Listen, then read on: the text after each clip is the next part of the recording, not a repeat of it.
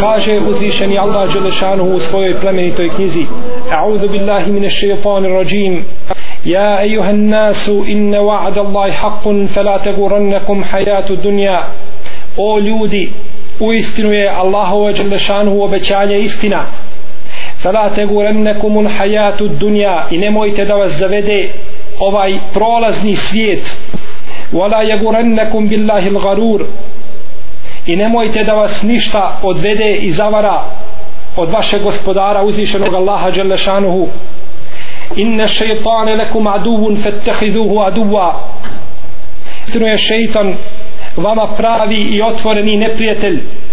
I uzmite ga kao takva. Smatrajte ga kao svoga neprijatelja. Innema jed'u hizbehu lijekunu min ashabi sa'ir u istinu on poziva svoju partiju poziva svoju stranku i svoje sledbenike da budu stanovnici batre, da budu stanovnici žahennema. Draga moja braćo, uzvišen je Allah te barak je ta'ala na brojnim mjestinama nam u svojoj uzvišenoj knjizi govori o šeitanu i njegovim spletkama i njegovim vesvesama kojima želi da zavede Allahove robove sa pravoga puta. Pa između ostalog u ovome ajetu nam govori da je šeitan pravi neprijatelj, istinski neprijatelj čovjeku i da ga čovjek mora uzeti za svoga neprijatelja. Čovjek ponekad zna da mu je neko neprijatelj, no međutim on se obhodi prema njemu kao da mu nije neprijatelj. I to je greška. Moraš znati da ti je neprijatelj i moraš se tako postaviti prema svome neprijatelju. U istinu je šeitan pravi neprijatelj čovjeku.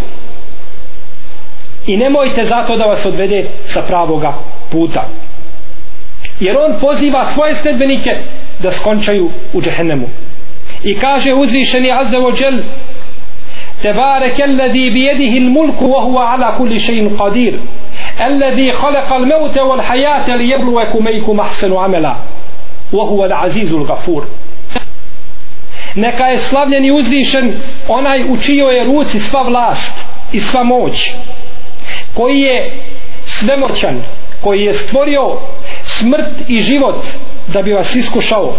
Ko će od vas ljepše raditi? A on je uzvišen i onaj koji mnogo oprašta.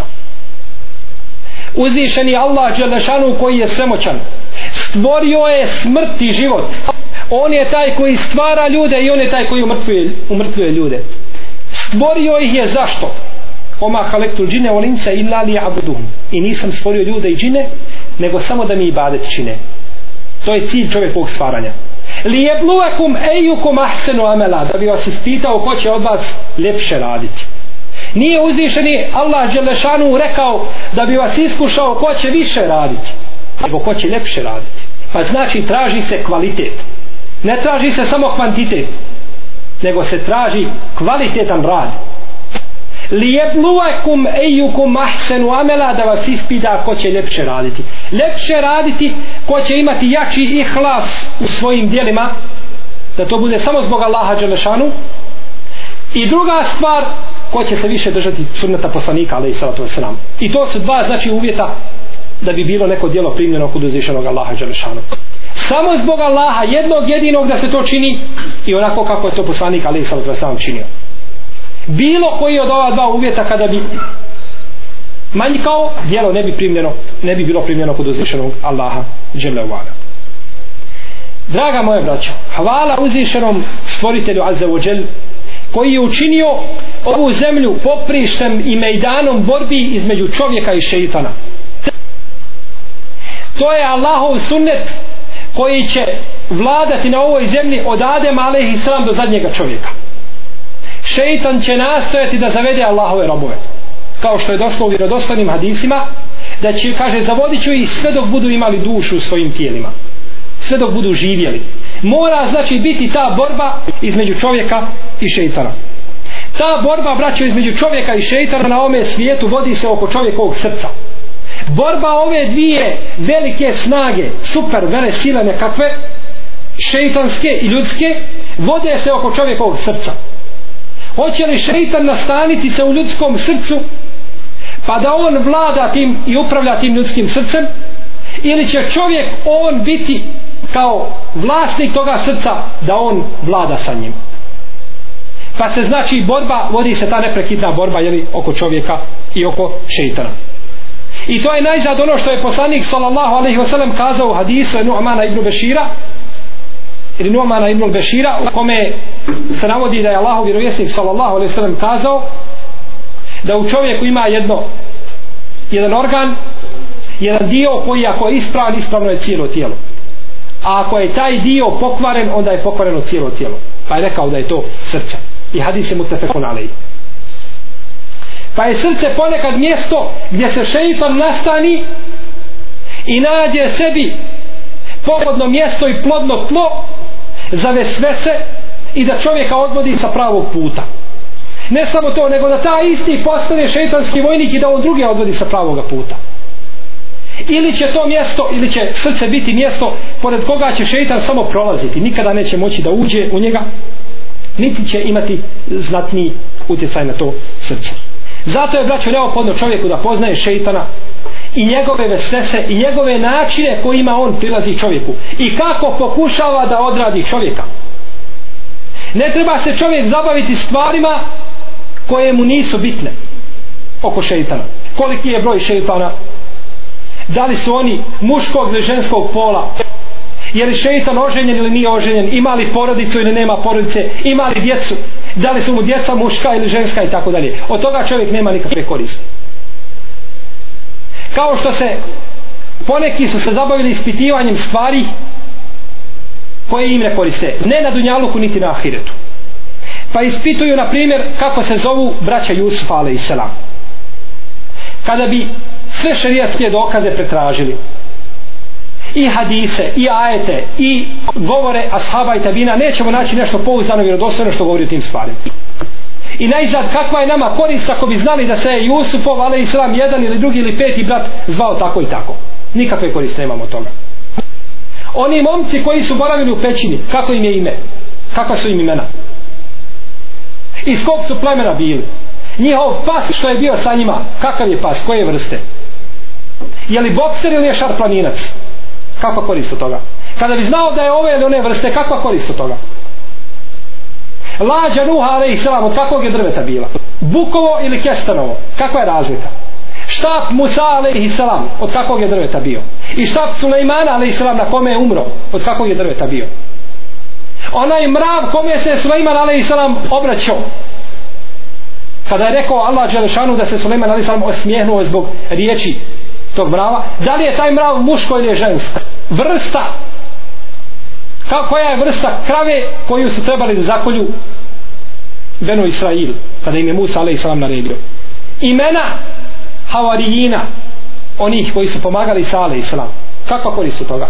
Kakva korist kada bi znali čitavo njihovo potomstvo? Nikakva korist. Nama je cilj šta su oni radili. Kako se zove ono drvo pod koje je Musa a.s. otišao nakon što je napojio onima djevojkama? Navodi se da su to bile četke šojba alaih iako za to nema pouzdan dokaz kada je ošao kaže فسقى لهما ثم تولى إلى الظل فقال ربي إني مما أنزلت إلي من خير فقير kaže da im je napojio njihovo stado pa je otišao kaže pod hlad sjeo kaže sjeo je pod drvo kakve je vrste drvo bilo i tako dalje to su stvari braćo to su stvari od kakvih čovjek nema jeli zatnije koristi a naš poslanik alaihi salatu wasalam je dovio Allahu Đalešanu kaže Allahume inni a'udhu bike min kalbin la jahša ومن دعاء لا يسمع ومن نفس لا تشفع ومن علم لا ينفع إني أعوذ بك من هؤلاء الأربع بلجة ترمزي النسائي ابن ماجه ابو داود حاكم i drugi sa vjerodostojnim lancem prenosilaca u prevodu gospodaru moj ja od tebe utočište tražim od srca koje nije bogobojazno bogobojaznost od dove koja nije uslišana. Jer šta čovjeku vrijedi da je ne znam kako Bogo bojazan ali mu se dove njegove ne uslišavaju. O mi nefsin na ješpa i od duše koja se nikad zaštiti ne može. Šta god da joj daš malo joj. Kada bi joj sam dunjaluk dao poželjela bi drugi dunjaluk. O min ilmi na jenfa i od znanja koje ne koristi. To je ovo znanje. To je ovo znanje da čovjek ispitiva kada bi znao od kakvog je drveta bila lađa Nuh alaih islam. Imaš li kakve koristi? Nikakve.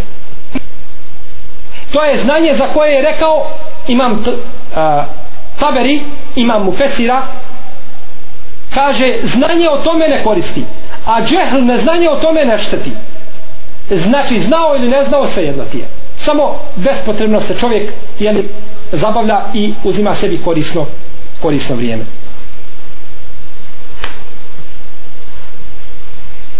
to je kao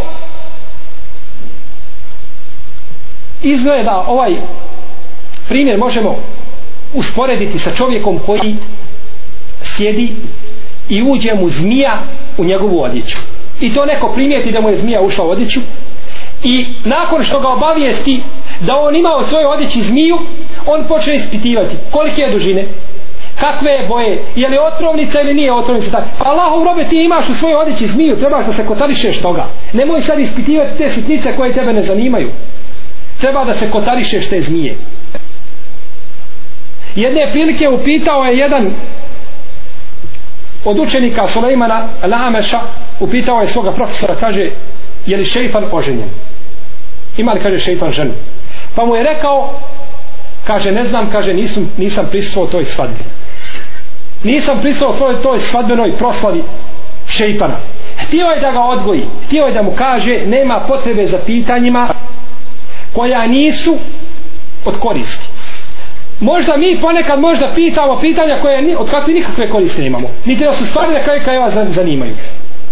Ili kada se upita jedno pitanje nakon uz to pitanje ima 30 pod pitanja to je ono što su islamski učarci ukorili i što su mrzeli da se tako pita. Kad se pita nešto dobija se odgovor. A nakon toga nešto se pita što se nikada nije desilo niti će se desiti slično tome to su islamski učenjaci smatrali Narod naročito imam malik. Dođu i pitaju ga nešto. Kaže ali se to desilo? Nije. Kaže kad se desi dođite i pitajte. Jer čovjek tu gubi vrijeme na odgovor i tako dalje ta se stvar nikada nije desila. Da li će se desiti Allah zna. Ako se desi onda pitaj ono što se desi. Jer ima mnogo stvari koje se dešavaju a mi smo slijepi ili se pravimo slijepi pored toga i ne pokušavamo da to riješimo i da to popravimo a ono što nas ne zanima i što se možda nije desilo o tome pitamo i o tome se polemike vode i tako dalje pa ga je htio odgojiti pa mu kaže nisam kaže pristo toj svadbenoj proslavi Draga moja braćo, šeitan prilazi čovjeku na razne načine, u raznim vidovima i oblicima. Pokušava mu otežati njegove ibadete. Pokušava ga odvratiti sa pravoga puta. Govoreći, a tema našeg predavanja jeste šeitan i šeitanske vesvese. Govoreći o ovoj temi, neophodno je da se dotaknemo narednih poglavlja da spomenemo razloge zbog kojih šeitan prilazi jeli čovjeku vrste vesvesa koje unosi u čovjeka posljedica tih vesvesa i na kraju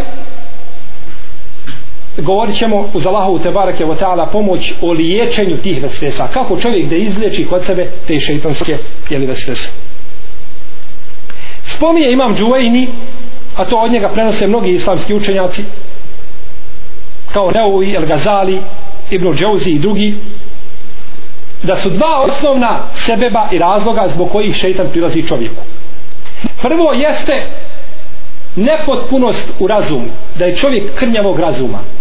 I druga stvar jeste nepoznavanje Allahove Đelešanu vjere i nepoznavanje šerijetskih propisa. Šeitan kada nađe čovjeka da je nepotpunog razuma to je za njega idealna žrtva da mu priđe i da mu oteža Allahu vjeru i da mu uljepša ono što nije od vjere. A s druge strane da mu učini teškim i mrskim ono što je vjera. Pa ga tako skrene sa pravoga puta. Jer čovjek koji nema razuma takvom šeitan lako priđe jer on ne može sam po sebi ne može razmišljati. Navodi Ibnul Džeuzi Ibnul Kajim i drugi da je došao jedan čovjek Ebul Wafau Ibn Aqilu El Hanbeliju jednom velikom islamskom učenjaku Hambelijske pravne škole i kazao mu. Kaže o imamu o profesoru kaže ja kaže kupam se i kaže tri puta se zagnjurim potpuno pod vodu. I kaže tako borim jedno vrijeme kaže pa iziđem.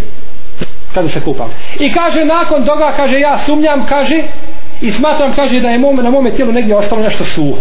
I pa kaže da se nije cijelo tijelo pokvasilo pa ga je pogledao ovaj veliki islamski učenjak i kaže mu idi kaže kući kaže i ti ne moraš klanjati ne moraš kaže klanjati pa se ovaj začudio zbog čega mu ovaj ga pita o taharetu ovaj mu kaže idi kući kaže ti ne moraš klanjati.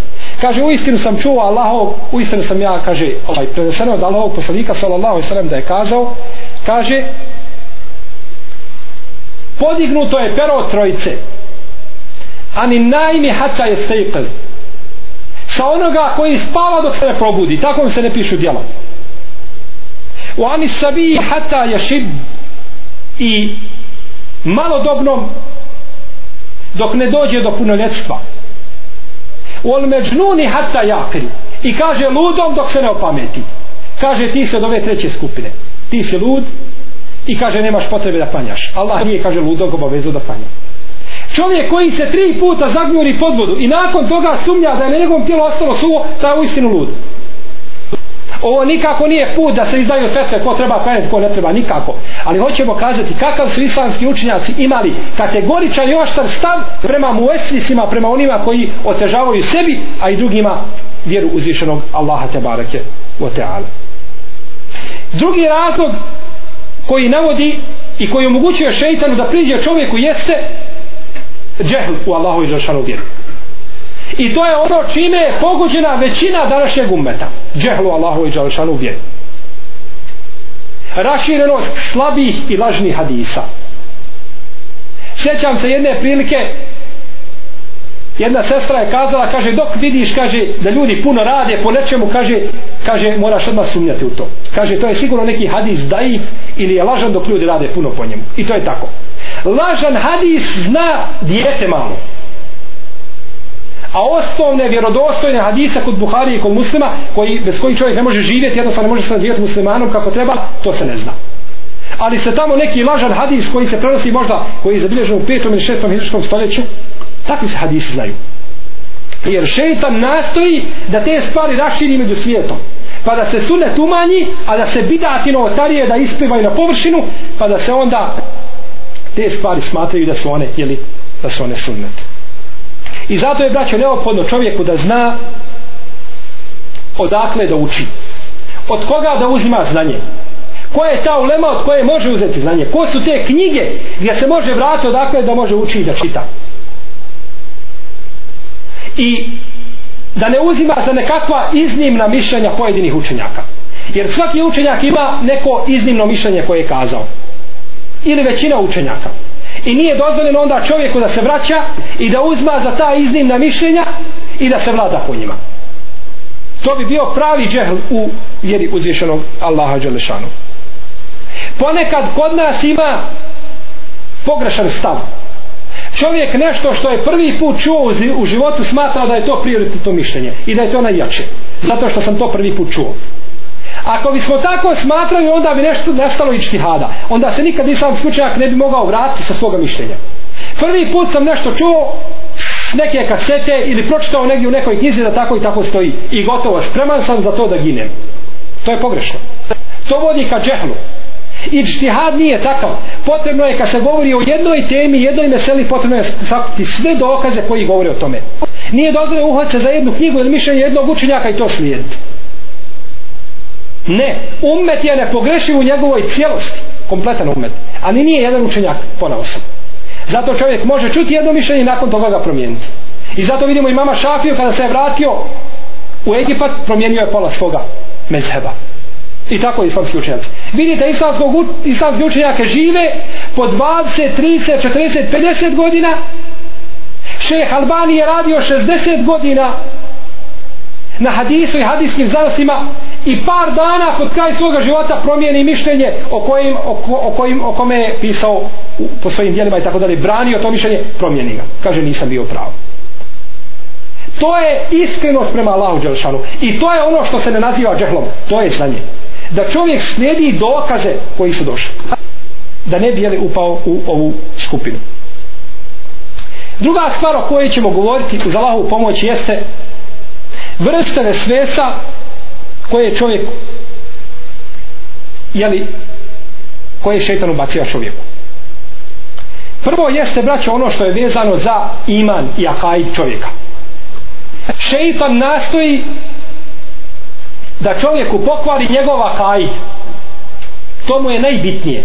Kad pokvari njegova akaid on je odradio svoje. Kad je čovjek odveo u kufur i u nevještvo tada je šeitan najsretniji bitan je akaid čovjeka. Ako ne da mu ga pokvari u potpunosti onda bar da ga izvede iz okvira akajda ehlu sunneta vol džemata pa da bude od nekakvih jeli, novotarskih sekti. Pa ćete naći čovjeka možda ponekad razmišlja o Allahu Đelešanu. Mjesto da razmišlja o Allahovim stvorenjima e fela ja unzurune ila libili kejfe hulikat. Zar ne gledaju u devu kako je stvorena? U devi su veliki ajeti. Allah Žešanu nije obavezao roba da razmišlja o njemu, subhane, nego da razmišlja o njegovim stvorenjima. Razmišljaj o nebesnoj o zemlji.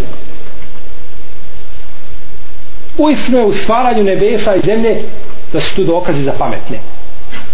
Ali čovjek razmišlja o Allahu Đelešanu. Pa uzme svojstva uzvišenog Allaha Đelešanu imena pa još kad čuje da uzvišeni Allah Želšanu ima ruku ili stopalo i slično tome ono što je došlo vjerodostanim dokazima pokušava, Allah, pokušava da ocrta i da opiše Allaha Želšanu. Pa na kraju napravi onaj teđsim napravi od Allaha Želšanu da je on tijelo. Pa liči ili čovjeku ili ome ili ono i tako dalje. I onda može umrijeti na tome da se vrati Allahu Želšanu kao nevjernik. To nije dozvoljeno. Uzvišen je Allah Želšanu je zadužio čovjeka da razmišlja o njegovim stvorenjima, a ne o njemu subhane. Ili da čovjek razmišlja o, o drugima, da li je vjernik ili je nevjernik, ulazi u ljudske nijete i tako dalje. To nije dozvoljeno. Druga stvar gdje šeitan pokušava da priđe čovjeku jesu vesvese u nijetu i u taharetu.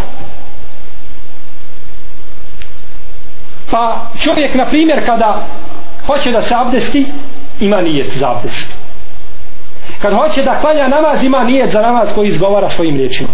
Ne vojite onu salije tako i tako i tako. Pa to ponovi jedan put pa dva put pa tri put. Pa nikada ne stigne za imamom početni tekbir. Jer imam kad dođe da se početni tekbir on niče ne vojite onu salije lillah tako. Pa ako se zbuni vrati se jedan put imam je već počeo da uči fatihu. I on je propištao početni tekbir. A početni tekbir mu je vrijedniji od mnogo čega ne samo da je propustio to zbog mubaha nego zbog bidata. Navodi šeho Islam ibn Taymije u svojim fetvama kaže da je vidio ljude koji kaže dođu kada donese nijet prvo nijete nekoliko puta se vraćaju da zanijete i kada to uspije nakon truda i džuhda uloženog onda kaže digne svoje ruke ovako i trza svojim rukama i pokaže svoje zube i viče Allahu Ekber sam se napinje kao da je izišao negdje na nekakav meč borilačkih vještina pa takve pokrete izvodi i tako zube svoje pokazuje kao da je u džihadu kao da svoje zube pokazuje neprijatelju kao da nije stao pred Allaha Đeršanu gdje treba biti skrušen i spokojan. Gdje je ta skrušenost pred Allahom Đeršanu i ona viče i sve snagi Allahu Ekber kao da je kao da je u džihadu. Spominje Ebu Muhammed al-Makdisi u svome dijelu u kome govori o bidatima i novotarijama spominje kaže da je jedan čovjek došao tako u namaz i počeo da nijeti. Pa je govorio ne vojite u enu lillahi tako tako pa je došao ono eda en lillahi edaen lillahi znači obavljajući zbog Allaha. Ali on mjesto da kaže eda en lillahi on je rekao edaen lillahi pa mjesto da kaže dal izgovor, izgovorio je zal pa je rekao ezaen lillahi nije rekao obavljajući zbog Allaha nego uznemiravajući Allaha. Jer ezijetiti ezaem znači ezijetiti uznemiravati pa kaže uznemiravajući Allaha. Pa je čovjek koji je klanio pored njega prekinuo namaz i kaže jeste. Ezaem lillahi voli resulihi, voli melaiketi voli džematir muslimin jeste kaže uznemiravaš kaže Allaha i uznemiravaš poslanika i meleke i džemat muslimana i tako jeste. Allaha i poslanika zato što uvijek bidati novotariju Allahu vjeru. Što Allah nije propisao i nije tim obavezao. Uznemiravajući meleke jer meleke uznemirava ono što uznemirava Allaha i poslanika i vjernike. I džemat muslimana na kraju krajeva zato što si naglas to govorio i ometaš ljude koji su pored tebe. Pa ga je znači ovaj islamski učenjak jeli, ukorio na ovakav, na ovakav način. Tako isto možemo vidjeti čovjeka da u taharetu da mu šeitan prilazi i da čini sa njim, sa njim čuda. Stvari koje zdrav razum ne može pojmiti. Nakon što ode da obavi nuždu tada počinje njegovi problemi. I tada počinje njegove avanture i njegove priče. Pa počinje sam sebe kažnjava i sam sebe azab čini nakon što uđe u kupatilo ili što uđe u na mjesto da obavi nuždu. Pa ima ih nakon što obave nuždu prave čučnjeve gledaju je li im nešto izišlo? Od mokraće i tako dalje. Ili čak ima kaže ni stepenice da stane i da na petama skače ni stepenice do kraja gleda je nešto izišlo iz njegovog tijela. Da mu ne bi to pokvarilo njegov jeli, abdes ili se treći podveže podveže svoje slidno mjesto da ništa ne može izići četvrti braćo fatu onu fatu, onu medicinsku stavlja u mokraćini kanal da ništa ne iziđe iz njega. I tako dalje sam sebi azab čini kojim ga nije uzvišeni Allah Đelšanov zadužio E, to mu šeitan prilazi. Kad god da uzme abdest, on mora trčati, trčati na, na, nazad u WC gleda da nije slučajno nešto izišlo iz njega. Zato je poslanik sallallahu sallam preporučio i rekao i došao pod zna da je poslanik uzimao vodu na svoju ruku i ovaj prskao po svome stidnom mjestu i po odjeći da čovjek koji kada mu tako šeitan priđe da kaže ma nije to izišlo ništa nego to je od one vode koju sam ja jeli poprskao sjećam se jedan brat mi je pričao kaže ja kad sam kaže počeo da klanjam kaže kad uđem u WC kaže na jednom mjestu je kaže bila košulja a na drugom hlače na trećem mjestu ovo na četvrtom mjestu ono. Kaže nemoguće je da čovjek kaže uđe u kupatko da iziđe prije, prije sat vremena. Šeitan znači priđe čovjek koji kroz to pokušava da mu oteža njegovu vjeru i da mu oteža jeli, njegove ibadete.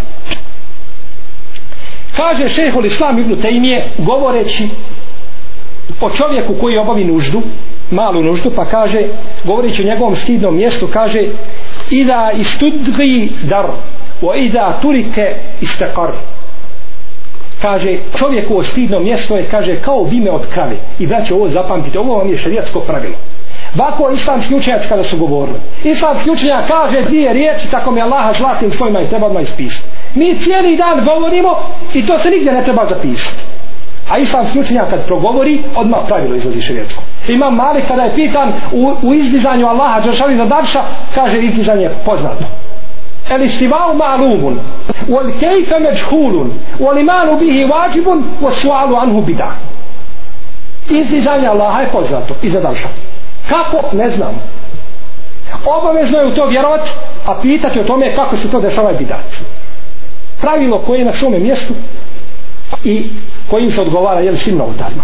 Kaže ako diraš vino od krave kaže kada bi došao vlasnik krave ili vlasnica krave i igrali se dimenom od krave odmah curi mlijeko iz vimena a ako ga pusti ne dira ga ništa. Kaže tako je kaže i čovjek. Ako se dira igra se sa svojim stidnim mjestom odmah će mu nešto curiti. A ako pusti neće ništa. Sve će biti u redu.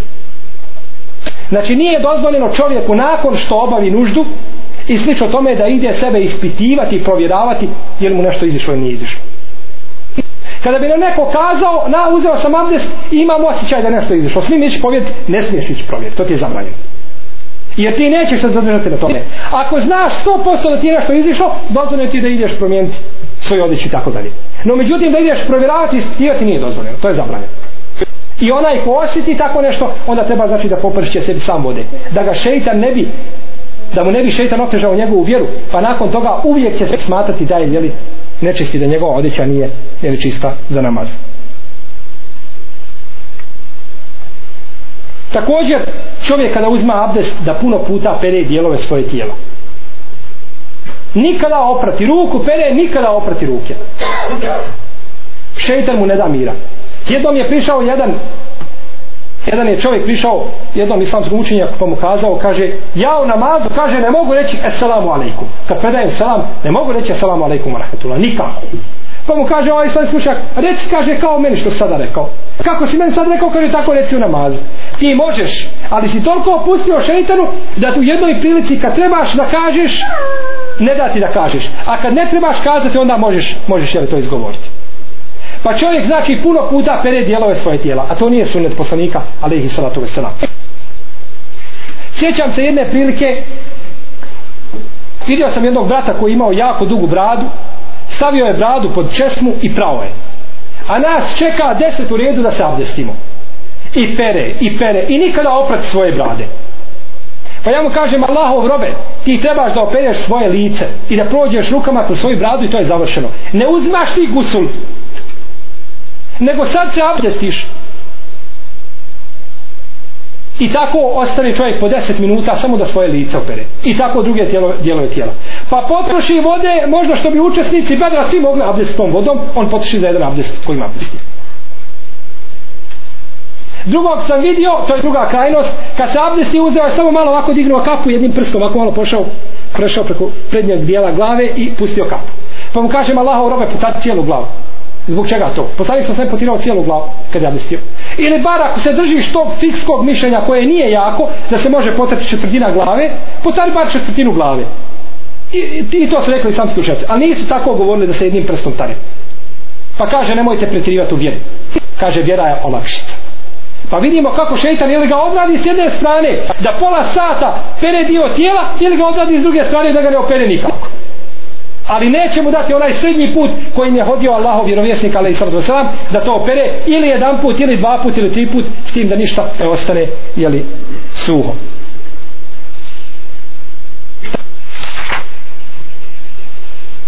Nakon toga braćo vidimo ove svese šeitana u namazu. Pa čovjek kada klanja nikada ne može sam klanjati da ne učini sehvi seždu samo je stao na namaz on zna prije što je stao da će im sehvi seždu jer šeitan mu priđe kaže ti ćeš pogriješiti nema ti druge. Ne možeš se izvući iz namaza da napraviš grešku. moraš pogriješiti. I on pogriješio ne pogriješio on će kazati na kraju ipak za svaki slučaj da je napravim sehvi seždu hoće šeitan da da mu težava ibadet? Hoće da mu težava i to koji badet namaz? Najbolji, najvredniji badet, hoće da mu ga otežava i da mu ga napravi jeli, teškim. Ili učenje fatihe. Uči fatihu pet puta će ponoviti fatihu za imamom sjećam se jednog brata klanjao je sa nama u mesečinu on imam kada uči i kada produži učenje on će učiti fatihu dok god imam uči Kur'an ponovi fatihu završi kad stane tamo kad je završio onda mu šetan kaže nisi dobro izgovorio vole dalin moraš to kaže ponoviti. Jer dad to je dad to je slovo arapskog jezika. Arapski jezik je odlikuje po tom, po tom slovu i ti ga nisi dobro izgovorio ponovi ga za svaki slučaj. Pa ga onda čuješ ti negdje tamo na kraj džamije ga čuješ da on kaže vole dalin ponavlja. Pa stao samo stao opet iz početka pa fatihu stoji iz početka. Pa dođe do pola fatihe miskin pa stane pa mu šetan kaže nisi ti stao gdje trebaš? Ti se trebaš vratiti iz početka inače ćeš sebi namaz pokvariti pa on opet iz početka. Pa po deset puta ponovi jednu te istu fatihu. I, za, i, za i nikad mu šetan ne da mira i tako mi Allaha vidio sam ga da donosi početni tekbir imam uči na sabahu. Učio je jako dugo imam je hafiz Kur'ana pa je jako dugo učio na sabahu on je prvi rekat imam završio odlazi na ruku on nije uspio doneti početnog tekbira. A došao je u saf kad se i kamet učio. Cijelo vrijeme on se bori sa šeitanom i šeitanskim silama da donese početni tekbir. I nije uspio. I na kraju mu je promašio ga je početni jel, tekbir. Odnosno hoće već promašio ga jel, jedan, jedan rekat. Također čovjek braćo na hađu kada dođe do bacanja kamenčića ili do do tavafa i slično tome nikada ne zna koliko je učinio i koliko je bacio. On će sto kamenčića baciti ali neće kazati da je bacio sedam. On će 13 puta tavafiti oko oko kjabe a smatrajući uvijek da mu nešto fali.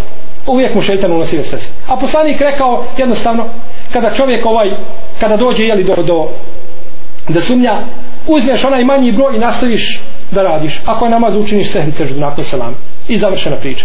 U tavafu ništa uzmeš da je manje sumnjaš da li su tri ili četiri kruga uzmeš da su tri i jeli, ideš još četiri. Isto tako u postu kada treba da čovjek da se iftari kada prekine svoj post vidiš ga zašlo sunce i tada je sunne da se čovjek iftari. Sunce zašlo tada je sunne da se iftari. Nije sunne da se čeka ezan. Naročno ako se ezan uči nakon ovaj zalaska sunca puno. Jer je od sunneta da se požurije sa iftarom. No međutim njemu je zašlo sunce i proučio se ezan i pojavile se zvijezde, ali on uvijek čeka. I dočeka jacijskog ezana sa iftarom, nije sa iftario. A to je ono što jeli, kontrira sunetu poslanika, ali ih salatu wasalam. Također, braćo, šeitan prilazi čovjeku u njegovim muamelatima. u međusobnim odnosima sa ljudima i radom kad kupuje, prodaje slično tome pa ćete vidjeti čovjeka možda kupi stvar pa je plati i nakon toga dođe kuć sumnja da je da li je platio ili nije pa ode pa je ponovo plati. I tako dalje. Šeitan mu tu s temu strane jel prilazi. Bilo što da učini ili da se dogovori on nije siguran da se je dogovorio pa to provjerava ili telefonom ili na, na razno razne načine. Jer mu je šeitan ušao jeli, ovaj, s te strane i da se samo ubaci. Što se tiče treće stvari a to su braćo posljedice šeitanskih vesvesa one imaju jako negativan utjecaj sa dvije strane. S dunjalučke strane i sa dinske strane. Sa dunjalučke strane jer, jer utječu one na čovjekovo zdravlje. Na, na biološkoj bazi negativno utječu na čovjeka.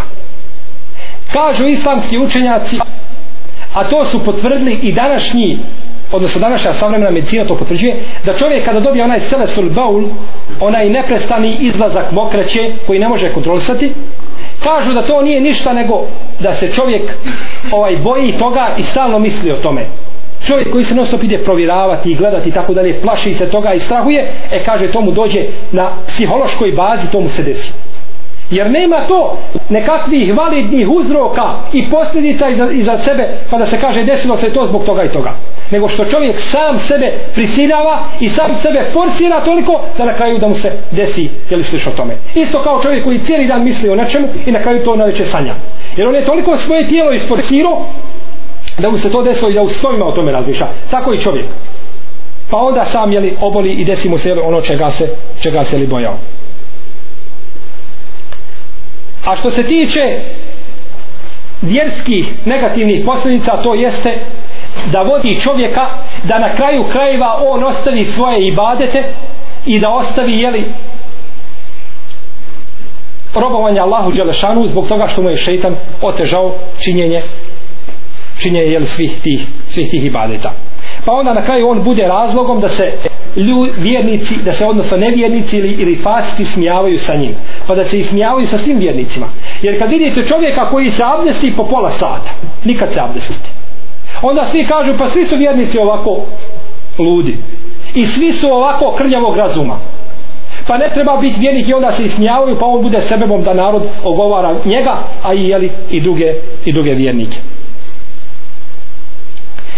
što se tiče četvrte stvari liječenja ovih vesesa smatram da je to najbitnija stvar u pogledu šeitana i onoga što on ubacuje ljudima. Jer lahko je saznati da je čovjek mu osvis i da ima problema.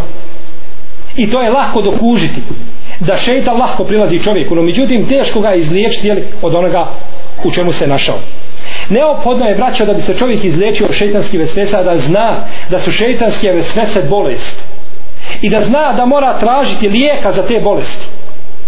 Mora se liječiti. Uzvišen je Allah Đelešanu voli inna Allahe yuhibbu tawabine wa yuhibbu mutatahirin Allah voli one koji se mnogo kaju, kaju i koji se mnogo čiste. Voli koji se mnogo čiste ali ne voli mu se oni koji pretjeruju tome jednoga dana je Allahov poslanik alaihi salatu veselam uzimao abdest pokazivao je jednom čovjeku kako se abdesti pa je uzeo abdest i opravo svaki dio tijela tri puta i kazao je hadel vudu femen zade fekad esaje wa ta'adda wa volem kaže ovo je moj abdest. Ovako se uzima abdest. Onaj kaže ko doda na ovo taj je kaže granicu prešao nepravdu učinio taj je granicu prešao i nepravdu učinio. Čovjek kada se abdesti nije mu dozvoljeno da pere jedan dio tijela više od tri puta. Jer je takav onaj koji granicu prelazi. A uzvišeni Allah Đelešanu kaže innehu la yuhibbul mu'tedin. A Allah ne voli one koji granice prelaze. U svemu. U svemu jeli, što se smatra prelaženjem granica. Kaže poslanik sallallahu alaihi wasallam u jednom hadisu koga bilježe ashabu sunan ima Mahmed ibn Hibban Hakim i drugi. Kaže o Allahu i robovi kaže liječite se. U istinu uzvišeni Allah Đelešanu nije spustio ni jednoga ni jedne bolesti a da nije za nju spustio u isto vrijeme lijek. Svaka bolest ima svoj lijek. I iz ovoga hadisa Ibn Kesir je u svome tefsiru zaključio da mora doći Isa alaihissalam kaže Deđal je bolest i za tu bolest mora biti lijek a lijek mu je Isa a.s. i mora doći Isa a.s. govoreći o šeitanu i šeitanskim vesvesama i mu vesvisima kaže Ibnul Kajim onaj kaže ko ko dopusti šeitanu da mu priđe i da mu takove sve se ubaciva kaže on je kaže Allahov neprijatelj i neprijatelj poslanika i neprijatelj džemata muslimana i selefu saliha iz prvih pokoljenja. Zbog toga što oni to nisu nikada činili i onda prenosi riječi svoga učitelja to jeste šehol Islama i Butejnije kada rekao kaže takav zaslužuje tazir zaslužuje da bude a, ukoren, kažnjen batinama. Zbog toga što ljudima pogrešno predstavlja vjeru uzvišenog Allaha Đelešanu i kazao je poslanik sallallahu alejhi ve sellem u hadisu koga bilježi je Budavud sa dobrim lancem prenosilaca kaže biće u mome umetu narod koji će kaže prekoračiti granice u kaže taharetu i dovi. u taharetu i u dovi. u taharetu nam je jasno kako čovjek prekorači granicu kada mu treba 100 litara da se abdesti taj je sigurno prekoračio granicu no međutim kako u dovi? došao u jednoj predaj imama Ahmeda kaže da je čuo jedan asab čuo svoga sina kako dovio od Allaha Đeršanu moli gospodaru moj kaže daj mi kaže kuću u džennetu sa desne strane dženneta takav počeo upisivati dvorac i tako dalje. Kaže sine moj dragi kaže dovija od Allaha Đeršanu za hajrate dunjaluka i ahireta. Šta ti god Allah Đeršanu da na ahiretu pa to je bolje nego šta ti, sam ti što opisuješ. I traži od njega firdeuse i najveće džennete. Pa znači pretjerivati u dovi i ibadetu jeste rad po onome na čemu nije bio jeli, Selefu Salih i prva pokoljenja. Jer šeitan braćo alejhi lanetullah je obećao rekao je da će prilaziti ljudima s prijeda i straga s njihovih desnijih i levih strana. Samo nije rekao da će prilaziti dozgo jer nije Allah Žaršanu dozvolio da šeitan stane između njega i njegovih robova. Šeitan će nastojati da zavede čovjeka razno raznim putevima ali zato čovjek mora poznavati načine kako on prilazi i mora poznavati kako da se liječi od njegovih jeli, vesvesa druga stvar kojom čovjek pored znači prva je bila da je vesvesa bolest da se treba liječiti od nje. Jer ako čovjek ne zna da je vesvesa bolest onda se ne može ni liječiti ako ne smatra sebe bolestnim Druga stvar jeste da čovjek sledi sunnet Allahovog poslanika, alejhi salatu veselam, i da se toga čvrsto uhvati. Jer je uzvišen je Allah Đelšanu poslao svoga poslanika kao milost vjernicima i da ga slijede i da se na njega ugledaju. Kaže uzvišen je Allah Đelšanu, لَقَدْ كَانَ لَكُمْ فِي رَسُولِ اللَّهِ أُسْفَةٌ حَسَنَةٌ لِمَنْ كَانَ يَرْجُ اللَّهَ وَالْيَوْمَ الْآخِرِ وَذَكَرَ اللَّهَ كَثِيرًا Kaže u istinu vi kaže imate u vašem poslaniku divan uzor za one koji očekuju od Allaha Đelešanu nagradu na sudnjem danu ili na ahiretu. I zato su ashabi jedne prilike prišli poslaniku sallallahu alaihi wasallam i požalili i požalili mu se kako osjećaju u svojim dušama nešto ne smiju da kažu šta je to od šetanskih vesvesa. Pa je poslanik sallallahu alejhi ve sellem kazao, kaže hvala Allahu, kaže koji je nje splet je šejtana, kaže na kraju sveo samo na obične vesvese. I hadis je zabilježio imam Muslim u svome sahihu. A u drugom hadisu stoji da je poslanik sallallahu alejhi ve sellem rekao, kaže kada neko od vas osjeti, kaže šejtanske te vesvese u svom srcu, kaže kad je billah wal yantahi, kaže neka kaže traži od Allaha dželle utočište i nek se riješi toga znači neka ne razmišlja puno jer o tome. Jer šeitan braćo dolazi čovjeku pokušava doći u čovjek, čovjeku i prići čovjek koji ima iman u svome srcu. Koji ima vjerovanje koji čini dobra djela. On neće prilaziti onome fasi koji onome pokvarenjaku jer taj fasi koji je sam posebi šeitan. On sam čini djela koji on je šeitanski vojnik. On prilazi čovjeku koji ima iman u svome srcu kao lopov. Lopov kada ide u kuću da krade, on krade, ide u kuću gdje ima zlata i srebra, gdje ima vrijednosti. Tako i šeitan kad prilazi čovjeku, prilazi srcu ovaj, u kome ima vrijednosti. Ne prilazi srcu koje je prazno. I zato čovjek treba u tom momentu znači zatraži utočiste od uzvišenog jeli Allaha Đelešanu i da završi i da završi time. I kažu braćo islamski učenjaci da je šeitan kao pas što god više pridaješ pažnje šeitanu i on sve više ovaj nastoji da priđe čovjeku. Pas koji trči za čovjekom ako mu čovjek obraća pažnju obraća pažnju na njega i tako dalje taj će uvijek trčati za čovjekom. I uvijek nasrtati. No međutim ako ga pusti jednostavno obraća pažnju i takav će se okrenuti jeli, i, i otići. Uputa poslanika sallallahu alejhi ve sellem znači u liječenju vesvesa da vidimo kako je poslanik alejhi salatu ve selam liječio se odnosno kako se je ponašao u svojim a, u raznim situacijama. Na primjer u taharetu. Poslanik sallallahu alejhi ve sellem se abdestio iz, iz bunara koji se zove Buda koji je bio u Medini u koga se kaže u toj bunar se spominje da se je bacali da se batali, bacalo meso mrtvih pasa i čak neke nečiste stvari da se bacalo i poslanik se abdestio iz tog bunara pa kad su mu to kazali kaže voda je čista ne može onečistiti ništa ništa ne može kaže vodu onečistiti ovaj hadis je radosan ime ocjenio imam Ahmed Jahe ibn Ma'in, imam Tirmizi i drugi. Iako je dio učenjaka prigovorio ome hadisu, no međutim on ima više svojih predanja koji pojačavaju jedni druge. Poslanik nije obraćao pažnju jeli, na, takve, na takve stvari. Abdestio bi se poslanik sallallahu alaihi wa sa svakom vodom koja nije promijenila svoju boju, miris ili okus. Sa nečistoćom koja upadne u tu vodu. Znači, nečistoća koja upala u vodu, pa zbog te nečistoće voda promijenila ili boju ili miris ili okus, takva voda nije ispravna za čistoću. A druga jeste. Ovo se spominje u hadisu koga navodi imam Bejhekinu, međutim taj hadis nije vjerodostojan. Ali je ovo mišljenje islamskih učenjaka na kome su se složili. I onda nije dozvoljeno znači raditi mimo ovoga. Ako boja promijeni miris ili okus ili boju zbog nečistoće koja upadne u tu vodu, nije dozvoljeno je li koristi je za, čisto, za čišćenje. I u hadisu Omera radijallahu ta'ala anhu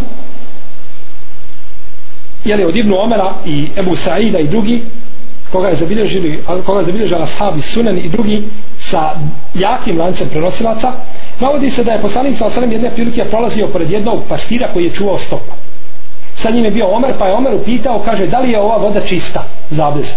Pa je poslanik sallallahu alaihi sallam kazao nemoj ga kaže obavijestiti. Nemoj mu govoriti to. Naišao si pored vode zbog čega ispitivaš? Osnova je da je ta voda čista. Ti nikada nećeš to ispititi na kraju krajeva. Uzmi i abdesti se. I tako se navodi u hadisu Džabira da je pitao poslanika sallallahu alaihi sallam kaže da li da se abdestim sa vodom koju su nalokali magarci koji su pili magare tako da je da kaže abdest se sa vodom koju je nalokala bilo koja divljač. I u hadisu koga je zabilježio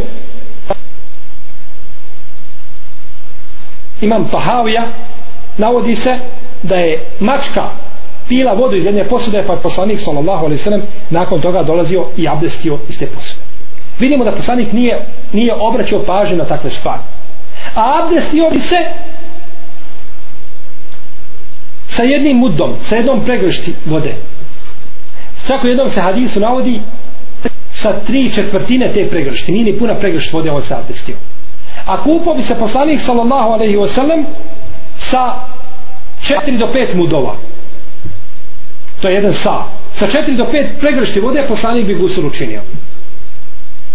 U jednom se hadisu navodi kod imama muslima sa tri te pregršti vode da bi se poslanik okupao. Sve svoje tijelo.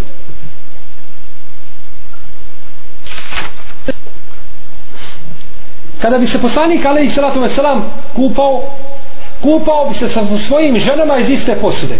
Kupao bi se sa Mejmunom, Ajšom i drugim ženama pa da je kaže svako od njih vikalo da ani da ani pusti ti mene pusti ti mene. Svak grabili su vodu iz jedne posude. Svako na sebe bi vodu stavljao.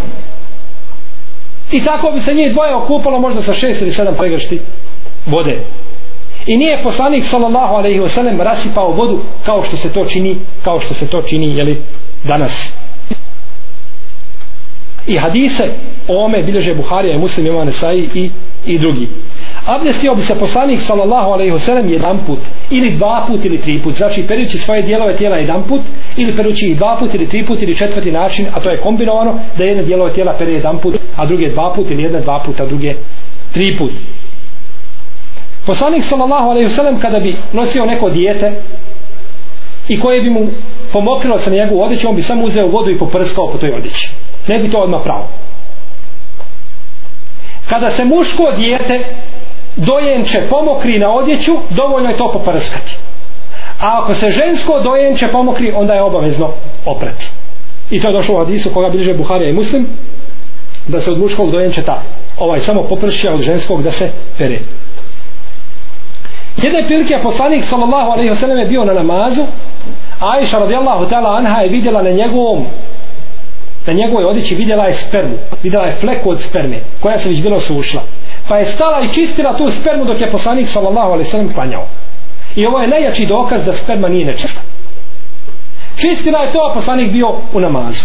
I hadis bilježi Ibnu Huzeime sa ispravnim lancem prenosilaca.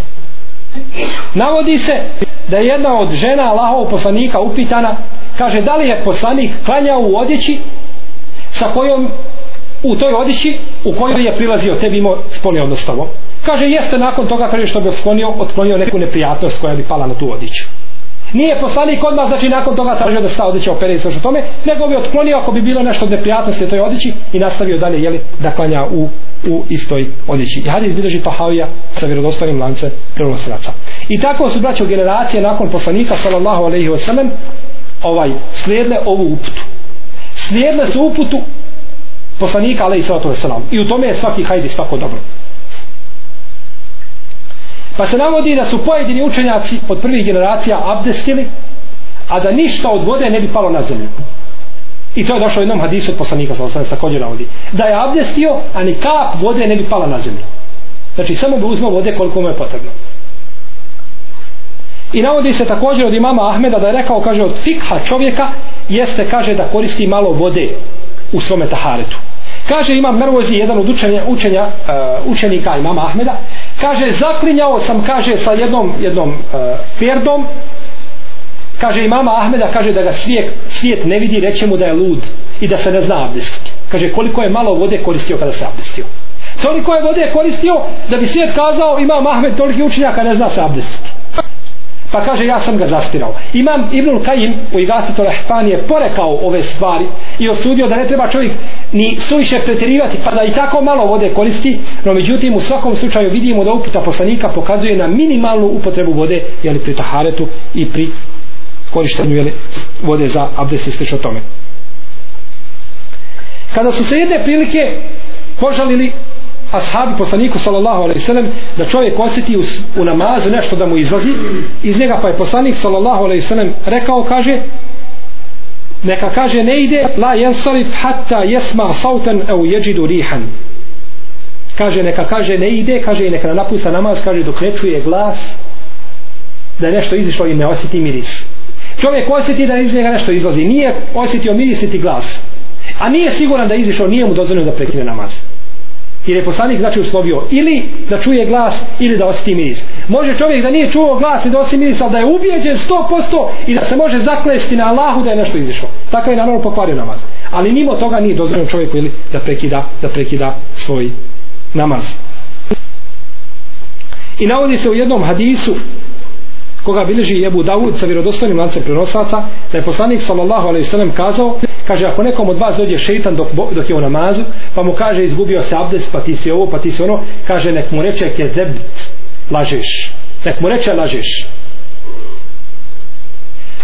Došao je hadis kod Ibnu Hibana u kome kaže talijekul fi nefsihi ke zeb nek kaže u sebi lažeš. Znači da ne čovjek sad staje u namazu i odjednom pred tolikim džematom kaže lažeš. Kaže šeitanu na glas. Ne. Nego kaže u sebi lažeš. I vidimo braćo kolika je obaveza i korist u spajanju svih rivajeta i predaja.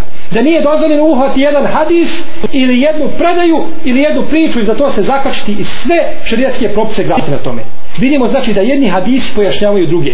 Pa je ome hadisu Ibn Hibana jeli poslanik sallallahu alejhi ve sellem rekao neka reče u sebi da čovjek da je li da šejtan da šejtan laže. I znajte draga moja braćo, kada bi čovjek utrošio život Nuha alejhi u traženju hadisa vjerodostojni ili dobri ili slabi ili lažni da nađe predaju da je poslanik sallallahu alejhi ve sellem nekada ostavio vodu zbog toga što je sumnjao ili odjeću da je sumnjao da je čista da je nečista. Ili namaz da je prekinuo. Ili taharet ili bilo šta zbog sumnje nikada to ne bi našao. To poslanik sam nikada nije učinio. Nikada nije ostavio neku stvar samo zbog sumnje jeli, da je sumnjao jeli, u tu u tu stvar. A da je u tome bio hajr nema poslanik nema sumnje da bi poslanik sallallahu sallam nas pretekao. I da bi kazao za svaku stvar u koju sumnja je li da je čovjek je li da je čovjek ostavi. Također poslanik sallallahu sallam u namazu bi nosio u mamu, to je njegova jeli, unuka, koju bi nosio u, namazu i držao je i klanjao. Pa kaže kada bi ustao poslanik uzeo obje, a kada bi činio seždu, on bi je spustio, činio seždu, pa ponove uzeo svoj nalamak. I navodi se u pojedinim hadisima koji pojačavaju jedni druge, da bi se Hasan i Husein penjali na, le, penjali na leđa poslaniku sa dok bi ovaj penjao, alaihi salatu veselam. I tako poslanik, alaihi salatu veselam, braću, nije dao šeitanu nikad da mu priđe i da mu ubaci bilo kakvu vesesu. A kako i nekad je on Allahov vjerovjesnik, alaihi salatu veselam. Navodi se jedne prilike da jedan pas pomokrio se u mešćinu.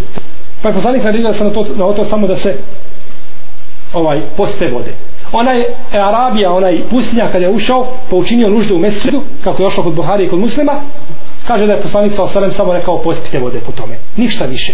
Vidimo, braćo, kako je poslanik sallallahu alaihi wasallam sprečavao jeli, šeitana da priđe čovjeku i da ga odradi i da mu oteža njegovu vjeru i da mu oteža, i da mu oteža njegove ibadete.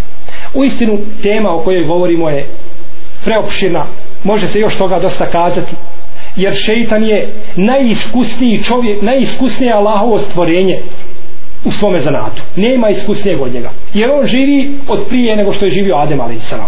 I zavodi ljude do dana današnjih zavodit će ih do sudnjega dana. Mi znamo čovjek koji obavlja deset godina neku službu profesionalno, kažemo, on je profesionalac, nije više amater. A šta je šeitan onda koji stotine i hiljade, možda i milione godina ljude odvodi sa Allahov puta. Pa on zna sigurno više nego bilo koji čovjek što zna on zna kako je zavodio prve i kako će zavoditi posljednje i zato je čovjeku neophodno da se uhvati za sunet poslanika sallallahu alaihi sallam u kome je lijek i u kome je uputa i kada čovjek ostavi taj sunet nema sumnje da će šeitan jeli, prići mu i naći plodno tlo u njemu molim uzvišenog stvoritelja Azza uđel da nas zaštiti šeitana i njegovih vesvesa a da nas ojača i da nas pouči uputi poslanika alaihi salatu wasalam i da nam džennet konačnim boravištem učini. Sallallahu ala sayyidina muhammedin wa ala alihi wa sahbihi wa sallam.